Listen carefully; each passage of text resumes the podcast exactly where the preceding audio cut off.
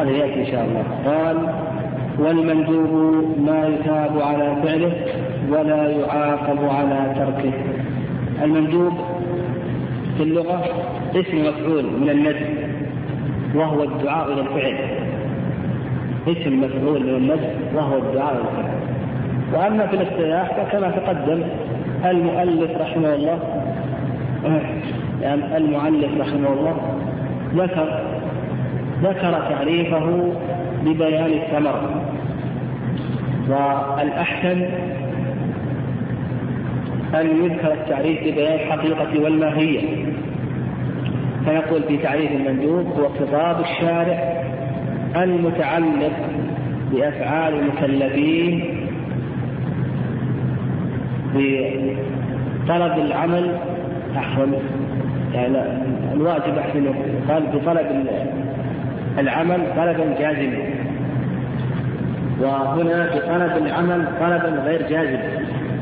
يقول خطاب الشارع المتعلق بأفعال المكلفين بطلب العمل طلبا غير جازم. وقولنا بطلب العمل هذا يخرج ماذا؟ نعم المحرم والمكروه والمباح. فالمباح لا يتعلق به أمر ولا ولا نهي لذاته. وأيضا طلبا غير لازم هذا يخرج الواجب. هذا يخرج الواجب. نعم, نعم. وأما بالنسبة لثمرته فقال المؤلف رحمه الله ما يثاب على فعله ولا يعاقب على تركه. المندوب يجوز تركه. نعم يجوز تركه. لكن قال المؤلف رحمه الله لا يعاقب على تركه إلا إلا إن اعتقد استحباب تركه. نعم إن اعتقد استحباب تركه. نعم فهذا لا يجوز ذلك. هذه مسألة. يعني قوله ولا يعاقب على تركه نقول يعاقب على تركه إذا اعتقد استحباب ذلك. إذا اعتقد استحباب ذلك استحباب الترك فإنه يعاقب. كذلك أيضا المسألة الثانية يذم إذا داوم على ترك إذا داوم على الترك بعض المندوبات المؤكدة يعني بعض المندوبات المؤكدة إذا داوم على تركها فإنه يذم على ذلك. كما لو داوم على ترك الوتر أو داوم على ترك السنن الرواتب. ولهذا قال الإمام أحمد رحمه الله من لم يوتر هذا رجل سوء لا ينبغي أن تقبل له شهادة عندنا وكذلك أيضا فيما يتعلق أيضا بالسنن الرواتب إلى آخره. فأصبح أنه يعتقد استحباب الترك فإن هذا لا يجوز. وكذلك أيضا آه. نعم إذا داوم على ترك المؤكدة السنة المؤكدة.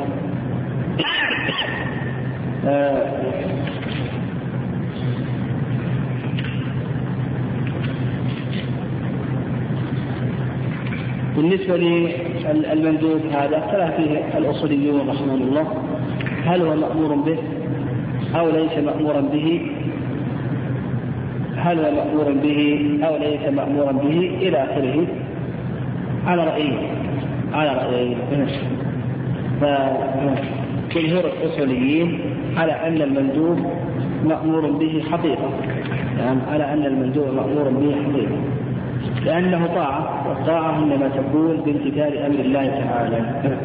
وذهب بعض الأصوليين إلى أن المندوب ليس مأمورا به. المندوب يطلق يسمى مستحب ها؟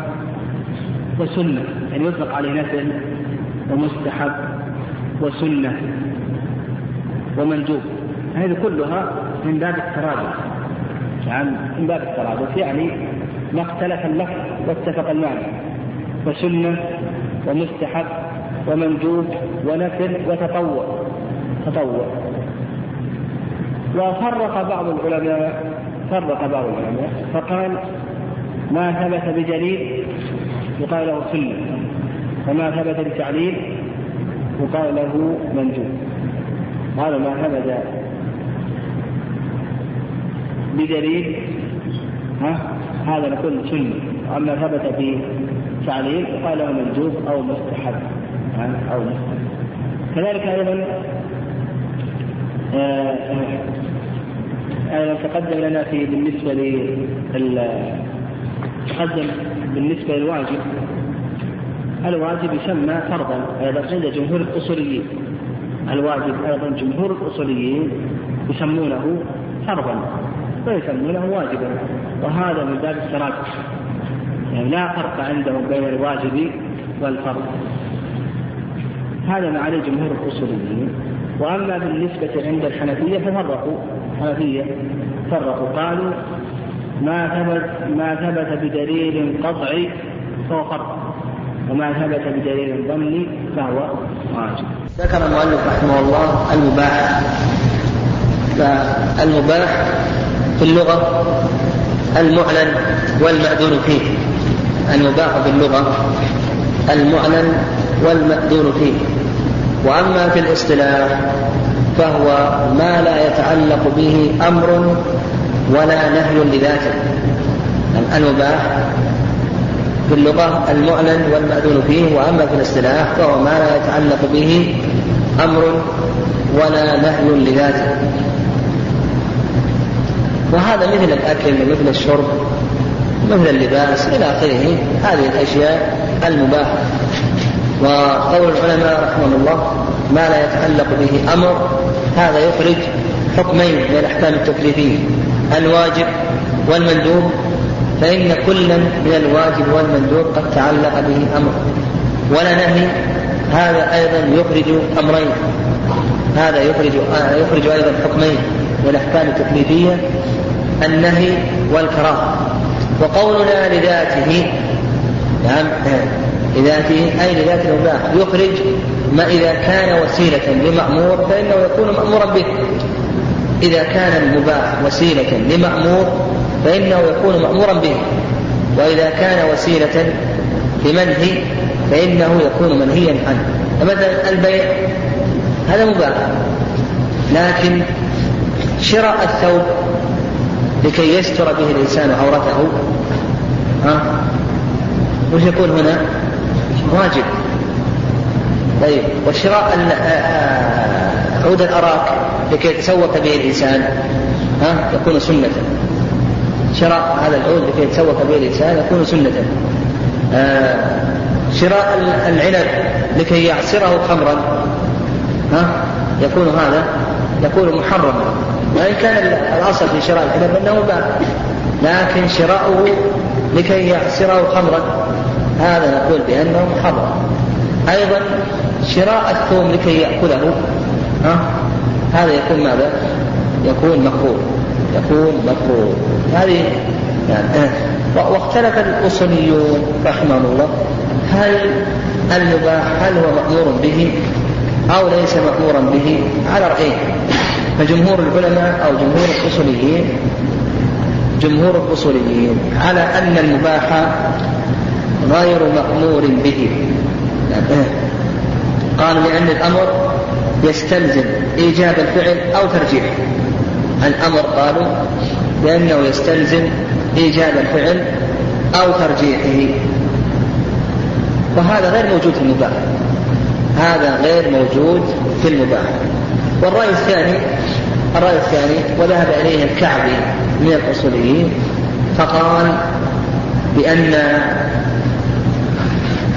المباح مأمور به المباح مأمور به. و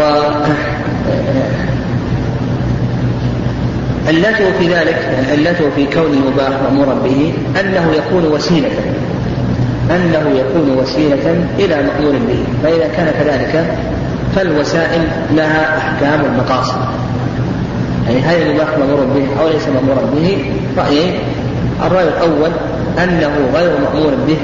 وهذا كما قلنا قول جمهور أهل العلم رحمهم الله لأن الأمر يستلزم إيجاب الفعل أو ترجيحه يعني أو إيجاب الترك أو ترجيحه.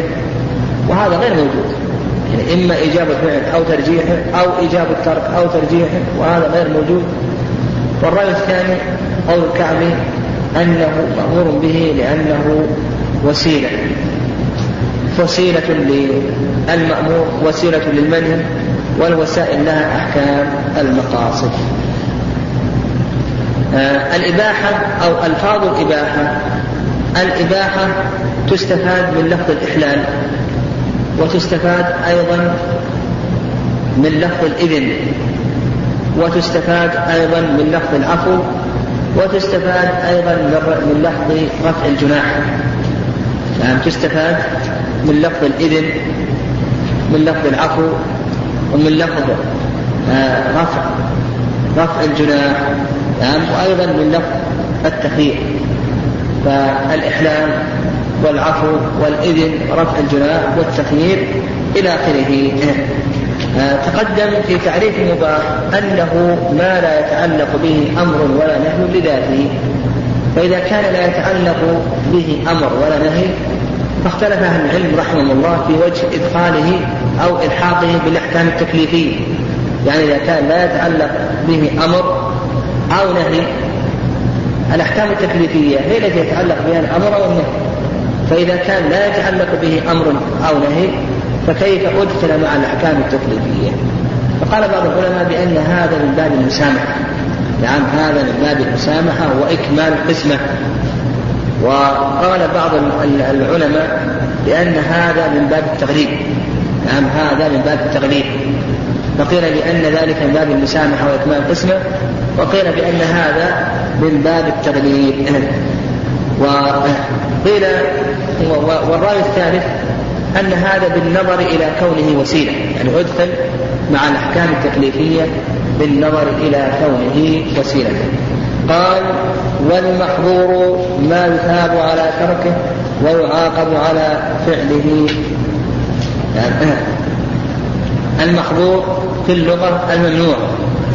المحظور في اللغة الممنوع. وأما في الاصطلاح فهو خطاب الشارع المتعلق بأفعال المكلفين بطلب الكف على وجه اللزوم وخطاب الشارع المتعلق بأفعال المكلفين بطلب الكف على وجه اللزوم فقولنا بطلب الكف هذا يخرج ماذا؟ يخرج الواجب والمندوب والمباح لأن المباح ليس فيه طلب وإنما هو تقييد الواجب والمندوب طلب فعل الواجب والمندوب طلب فعل آه على وجه اللزوم هذا يخرج المكروه لأن المكروه هو طلب الترك لا على وجه اللزوم طلب الترك لا على وجه اللزوم آه. آه. طيب آه. والمؤلف رحمه الله كما سبق لنا أنه عرف المحظور ببيان ثمرته والأثر المترتب عليه. والصحيح في تعريف الحدود أن تعرف ببيان الحقيقة والماهية. يعني التعريف إما أن يكون ببيان الثمرة وهذا فيه قصور. من بيان الثمرة والحكم والأثر المترتب وهذا فيه قصور. وإما أن يكون التعريف ببيان الحقيقة والماهية. لأن يعني هذا هو الصحيح. والصحيح أن نقول تعريفه كما سبق خطاب الشارع المتعلق بأفعال المكلفين بطلب الكف والترك على وجه اللزوم. أما قول المؤلف رحمه الله والمحظور ما يثاب على تركه ويعاقب على فعله. يعني هذا هذا فيه بيان الثمرة وفيه بيان الحكم المترتب على ذلك. وقوله أيضا ما يثاب على تركه. هذا ليس على إطلاقه. هذا ليس على إطلاقه. ما يثاب على تركه. هذا ليس على إطلاقه. وقد ذكر العلماء رحمه الله أن ترك المحظور هذا ينقسم إلى أقسام. يعني ترك المحظور يعني بالنسبة ل آه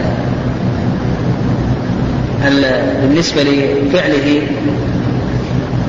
وتركه هذا ينقسم إلى أقسام القسم الأول أن يتركه خوفا من الله عز وجل وامتثالا لأمره. أن يتركه أن يترك المحرم خوفا من الله عز وجل وامتثالا لنهيه سبحانه وتعالى أو نهي رسوله صلى الله عليه وسلم. فهذا يثاب على ذلك. يعني هم بشرب الخمر أو هم بالنظر المحرم. فتذكر أمر الله عز وجل. فخاف. ها؟ فنقول يثاب أو لا يثاب فترك يثاب أو لا يثاب يقول بأنه يثاب ولهذا ورد في الحديث الإلهي إنما تركها من جرائي نعم إنما تركها من جرائي أي من أجله نعم ترك هذا الشيء من أجله فهذا يثاب الحالة الثانية الحالة الثانية ألا يطرأ عليه المحظور أصلا. أصلا ما طرأ عليه مثلا الغيبة أو النميمة أو نحو ذلك. أصلا لم يطرأ على باله فهذا لا يتعلق به حكم. هذا لا يتعلق به حكم. الحالة الثالثة أن يترك المحظور عجزا عنه مع فعل السبب. أن يترك المحظور عجزا عنه مع فعل السبب له. مثال ذلك إنسان أراد أن يسرق فأحضر السلم فلما هم بالصعود جاء شخص فهرب. ها شو الحكم هنا؟ يكتب عليه وزر العمل. يعني وليس وزر النية وإنما يكتب عليه وزر العمل ما دام أنه عمل السبب ها؟ نقول يكتب عليه وزر العمل. ويدل ذلك قول النبي عليه الصلاة والسلام إذا التقى المسلمان بسيفيهما فالقاتل والمقتول في النار. قالوا يا رسول الله هذا القاتل القاتل أمره واضح في النار. فما بال المقتول في النار؟ فقال النبي عليه الصلاة والسلام إنه كان حريصا على قتل صاحبه. فلما فعل السبب ها كان بمنزلة من؟ نعم كان بمنزلة الفاعل. نعم لما فعل السبب كان بمنزلة الفاعل. فنقول هذا يكتب عليه وزر العمل. نعم وزر العمل. طيب الحالة الرابعة أن يعجز عن المحظور لكن لا يفعل السبب. أن يعجز عن المحظور لكن لا يفعل السبب يعني يقول لو عندي خمر شربت ولا لكن ما عمل الأسباب ما راح وشرى لكنه عاجز عنه الآن ما هو موجود عنده. أو ليست عنده الدراهم أو ما يباع الآن في بلده. لكنه لم يعمل الأسباب. يذهب ويبحث عنه إلى آخره. فهذا وش وش عليه؟ ها؟ وزن النية. هذا نقول عليه وزن النية. وهذا يدل له ما ثبت في سنة الترمذي وفيه قول النبي عليه الصلاة والسلام إنما الدنيا لأربعة إلى آخره وذكر أن رجلا قال لو أن لي مال فلان لعملت به عمل فلان في المعصية. فقال النبي عليه الصلاة والسلام فهو بنيته آه نعم فهما سوا يعني يعني فهما سوا فيما يتعلق بالوزر. يعني فأصبح فأصبح أن ترك المحظور ينقسم إلى هذه الأقسام الأربعة. إما أن يتركه خوفا من الله عز وجل وإما أن يتركه لكونه لم يطرأ على ذلك وإما أن يتركه عجزا مع فعل السبب وإما أن يتركه عجزا عنه لكنه لم يفعل السبب ولكل حكم وقال المؤلف رحمه الله ويعاقب على فعله أيضا هذا قلنا أيضا فيه نظر. نعم فيه نظر بل الأولى أن يقول ويستحق العقاب. نعم ويستحق العقاب على فعله وتقدم أن العلماء رحمه الله يقولون نعم لا يقطع لأحد يعني بعينه لا نقطع لشخص بعينه بجنة أو نار. وإنما نرجو للمحسن ونخاف على المسيء. هكذا كلام العلماء رحمه الله قالوا نخاف. فالمحسن يرجى له وأما المسيء فإنه يخاف عليه. يعني ولا يقطع له. نعم لا نقطع له ذلك. وإنما نقول يستحق العقاب القطع بذلك هو مذهب الخوارج. الخوارج والمعتزلة هم الذين يرون القتل له بالنار. وإنما نقول يستحق العقاب. والدليل على ذلك قول الله عز وجل إن الله لا يغفر أن يشرك به ويغفر ما دون ذلك لمن يشاء. قال الله عز وجل يغفر ما سوى الشرك لمن يشاء. أيضا التحريم نعم التحريم أو ألفاظ التحريم تستفاد من النهي.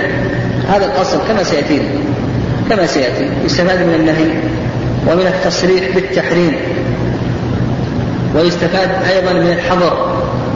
يستفاد من النهي ومن التصريح بالتحريم وأيضا من الحظر ويستفاد أيضا من الذم على الفعل ويستفاد أيضا من ذم الفاعل يستفاد من ذم الفعل ويستفاد أيضا من ذم الفاعل ويستفاد أيضا من إيجاب الكفارة.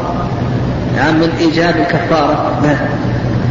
آه وكذلك أيضا يستفاد من الكراهة من لفظ الكراهة.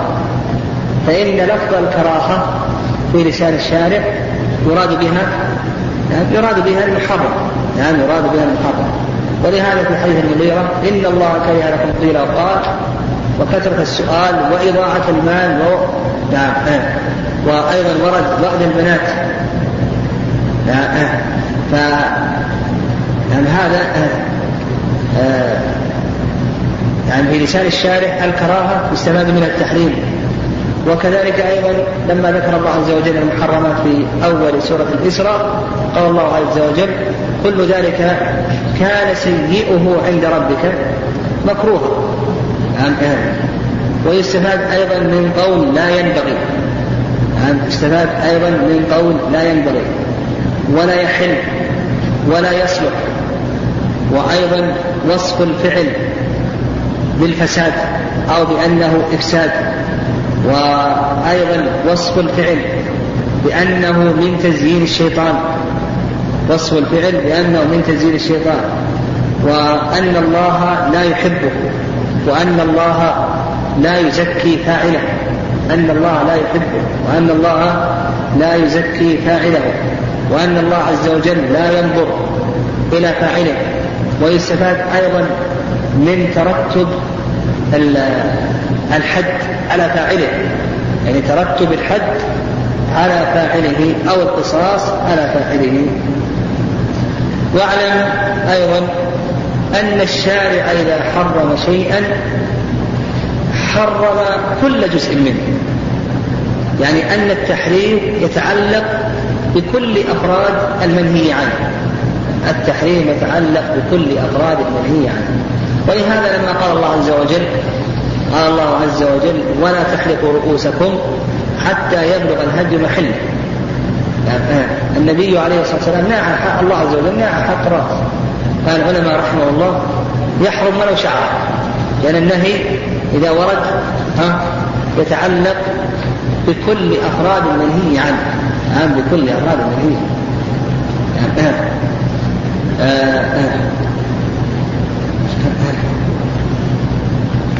قال رحمه الله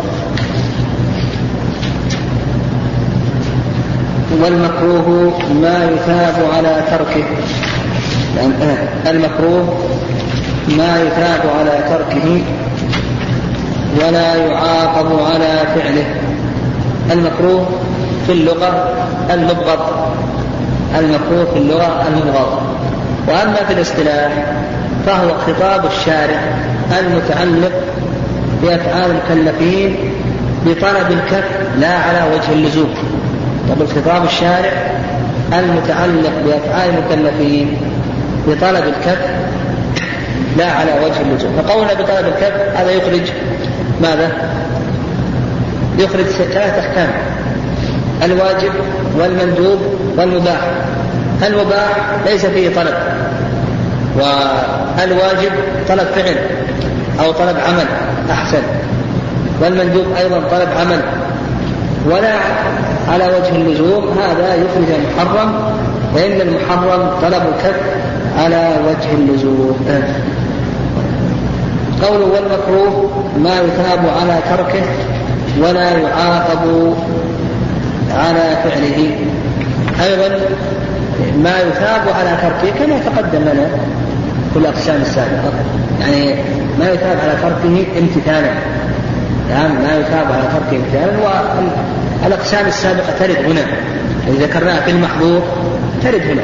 يعني أنت انظر فيها وأوردها فيما يتعلق فيما يتعلق بالمكروه آه ولا يعاقب على فعله. لو أن الإنسان فعل المكروه يعني لو أن الإنسان فعل المكروه فإنه يقول المؤلف رحمه الله لا يعاقب على فعله كما لو أكل البصل أو أكل الثوم أو التفت في الصلاة وقد تقدم الآن قبل عن فيما يتعلق بمكروهات الصلاة. وفي اصطلاح المتأخرين اصطلاح الفقهاء المتأخرين إذا قالوا يكره فالمراد بذلك الكراهة التنزيهية يعني اصطلاح الفقهاء المتأخرين عند الحنفية والمالكية والشافعية والحنابلة إذا قالوا يكره فإنه آه، يراد بذلك نعم الكراهة التنزيهية يعني في كتبهم إذا رأيت في كتبهم كراهة فإنما كراهة تنزيهية. الحنفية يصرحون يعني يصرحون الأصل إذا كان هناك إطلاق فإنه يحمل على الكراهة التنزيهية لكن أحيانا يصرحون على يصرحون آه، بأن آه، لأن المراد بالكراهة هنا الكراهة التحريمية.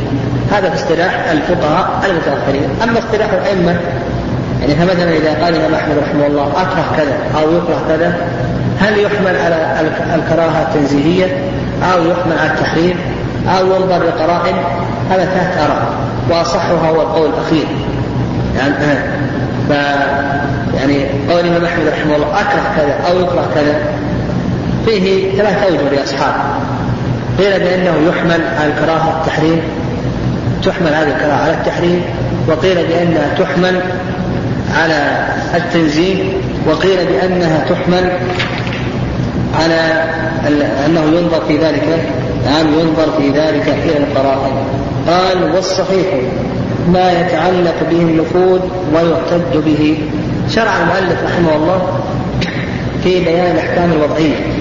وتقدم لنا أن الحكم الوضعي هو خطاب الشارع المتعلق بأعمال المكلفين بالوضع.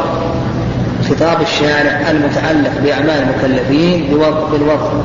يعني بوضع الشيء علة أو سببا أو شرطا أو صحة إلى آخره. وتقدم لنا أيضا أن ذكرنا الفرق بين الأحكام الوضعية والأحكام التكليفية. آه اختلف الأصوليون رحمهم الله في تقسيمات الأحكام الوضعية. يعني تقسيم الحكم الوضعي. فقسمه بعضهم إلى ثلاثة أقسام. قال بين الحكم الوضعي ينقسم إلى ثلاثة أقسام. القسم الأول السبب والثاني الشرط والثالث المانع. قالوا بأنه السبب والشرط والمانع. وأضاف بعض الأصوليين حكمين آخرين. نعم حكمين أو حكما آخر وهو العلة. فقال السبب قال أربعة. السبب والشرط والمانع والعلة. وأضاف بعضهم يعني أضاف بعضهم غير هذه الأشياء. فقال بأن الأحكام الوضعية هي الشرط والسبب والمانع والعلة. ويضاف على ذلك أيضا يضاف على ذلك أيضا الصحيح والباطل. كما ذكر المؤلف الصحيح والباطل والعزيمة والرخصة والقضاء والأداء والإعادة قال الصحيح والباطل والعزيمة والرخصة والقضاء والأداء والإعادة يعني القضاء والأداء والإعادة فجعل هذه الأشياء كلها يعني من الأحكام الوضعية. يعني هذا إن شاء الله سيأتي بيانه سيأتي بيانه إن شاء الله. سنتكلم نتعرض لهذه الأحكام كلها. يعني كل ما ذكرناه من هذه الأشياء سنمر عليها بإذن الله. قال آه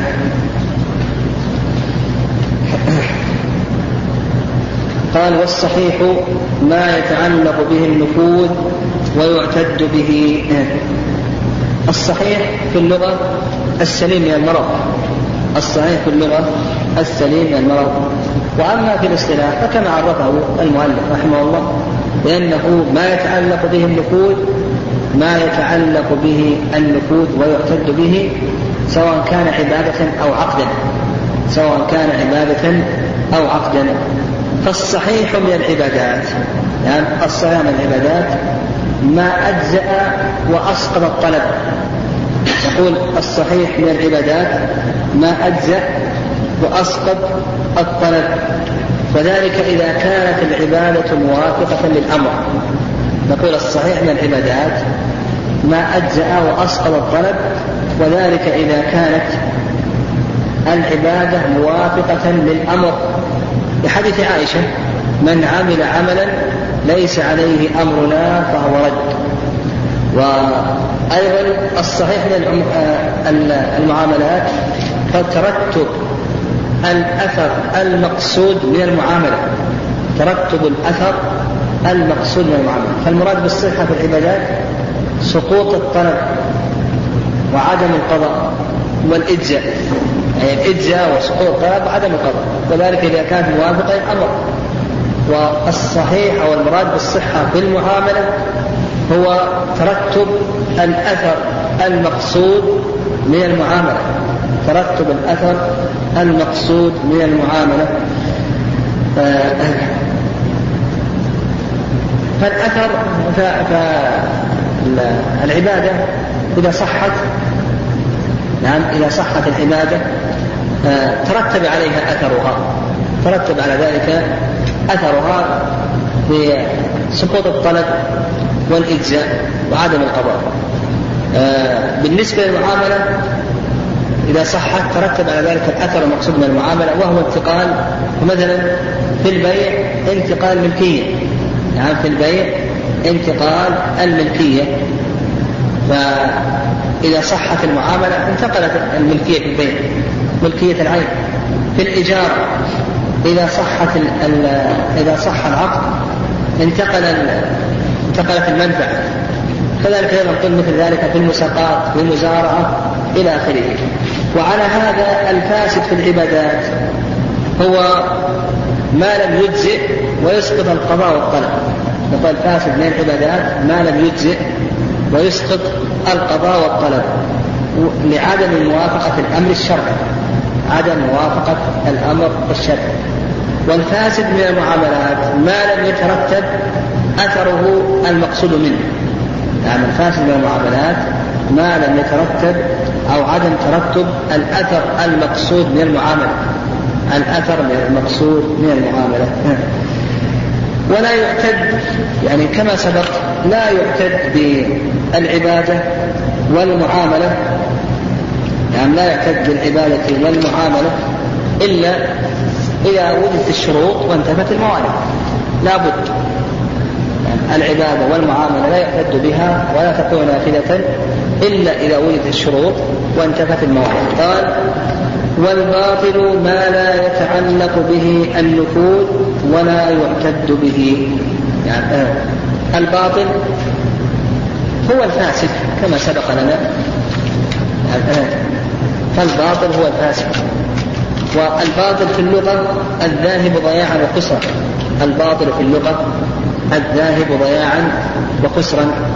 وأما في الاصطلاح فكما عرفه المؤلف رحمه الله بأنه ما لا يتعلق به النفوذ ولا به وكما تقدم لنا أن الفاسد أو الباطل من العبادة هو ما لم يجزئ ويسقط الطلب.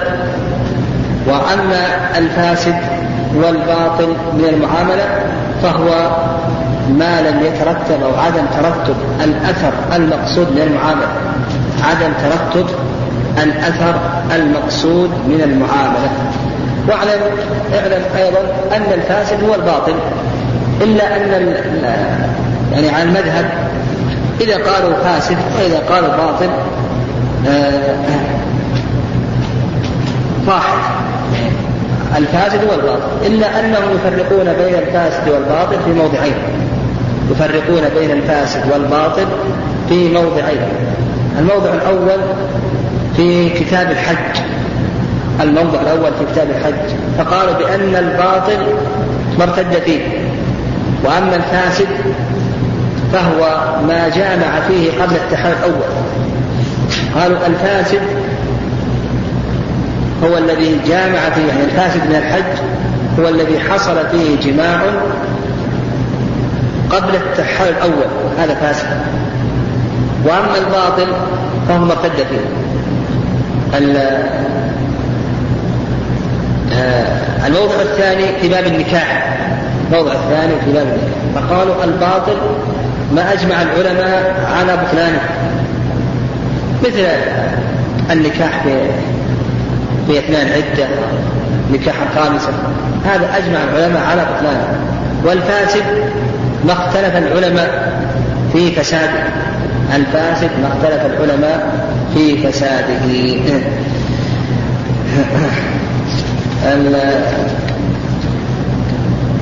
تقدم لنا أن أن أن الباطل هو الذي لا يجزي ولا يشغل الطلب لكن وأن أيضا البطلان في المعاملة وعدم ترتب الأثر المقصود من المعاملة. لكن هل يثاب الإنسان إذا كانت العبادة باطلة؟ هل يثاب عليها أو لا يثاب عليها؟ إذا كانت العبادة باطلة هل يثاب عليها أو لا يثاب عليها؟ نقول هذا ينقسم إلى أقسام. نقول ينقسم إلى أقسام. القسم الأول القسم الأول العبادة الصحيحة التي توفرت فيها الشروط وانتبت أنا الموانع هذا يثاب عليه الإنسان لا إشكال في ذلك. القسم الأول ما كان صحيحا من العبادات فهذا يثاب عليه الإنسان توفرت فيه الشروط وانتبت عن الموانع وإنما ذكرناه لإكمال قسمه. القسم الثاني القسم الثاني عبادة غير صحيحة لكن يثاب عليها الإنسان. عبادة غير صحيحة لكن يثاب عليها الإنسان. كان يصلي صلاة ويقل بركن من الأركان أو بشرط من الشروط ثم يتبين له ذلك. ونقول هو مثاب على هذه العبادة كحكم تكليفي لكن كحكم وضعي يجب عليه أن يعيده لاختلال الشرط أو اختلال الركن أو وجود المانع. نعم إلى آخره. هذا القسم الثاني.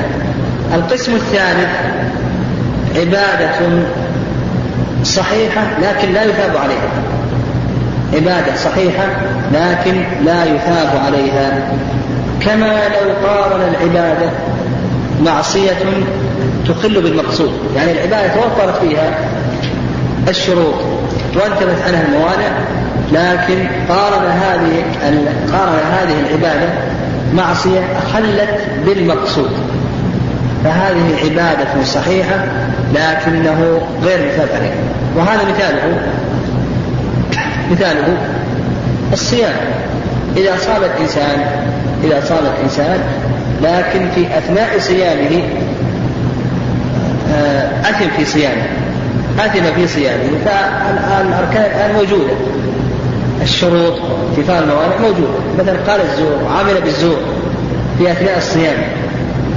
يعني في أثناء الصيام. فنقول هذا الصيام مجزئ ومسقط للطلب لكنه قد تكون المعصية هذه أو آه، نعم قد تأتي هذه المعصية على التواتر ونظير ذلك أيضا نظيره أيضا قول النبي عليه الصلاة والسلام آه، إذا نعم من أتى كاهنا من أتى كاهنا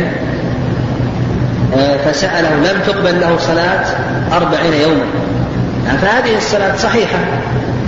يعني هذه الصلاة صحيحة لكنها ومسقطة للطلب ومجزية لكن لما قارت هذه المعصية قد أتت على نعم قد أتت على آه الأجر. الله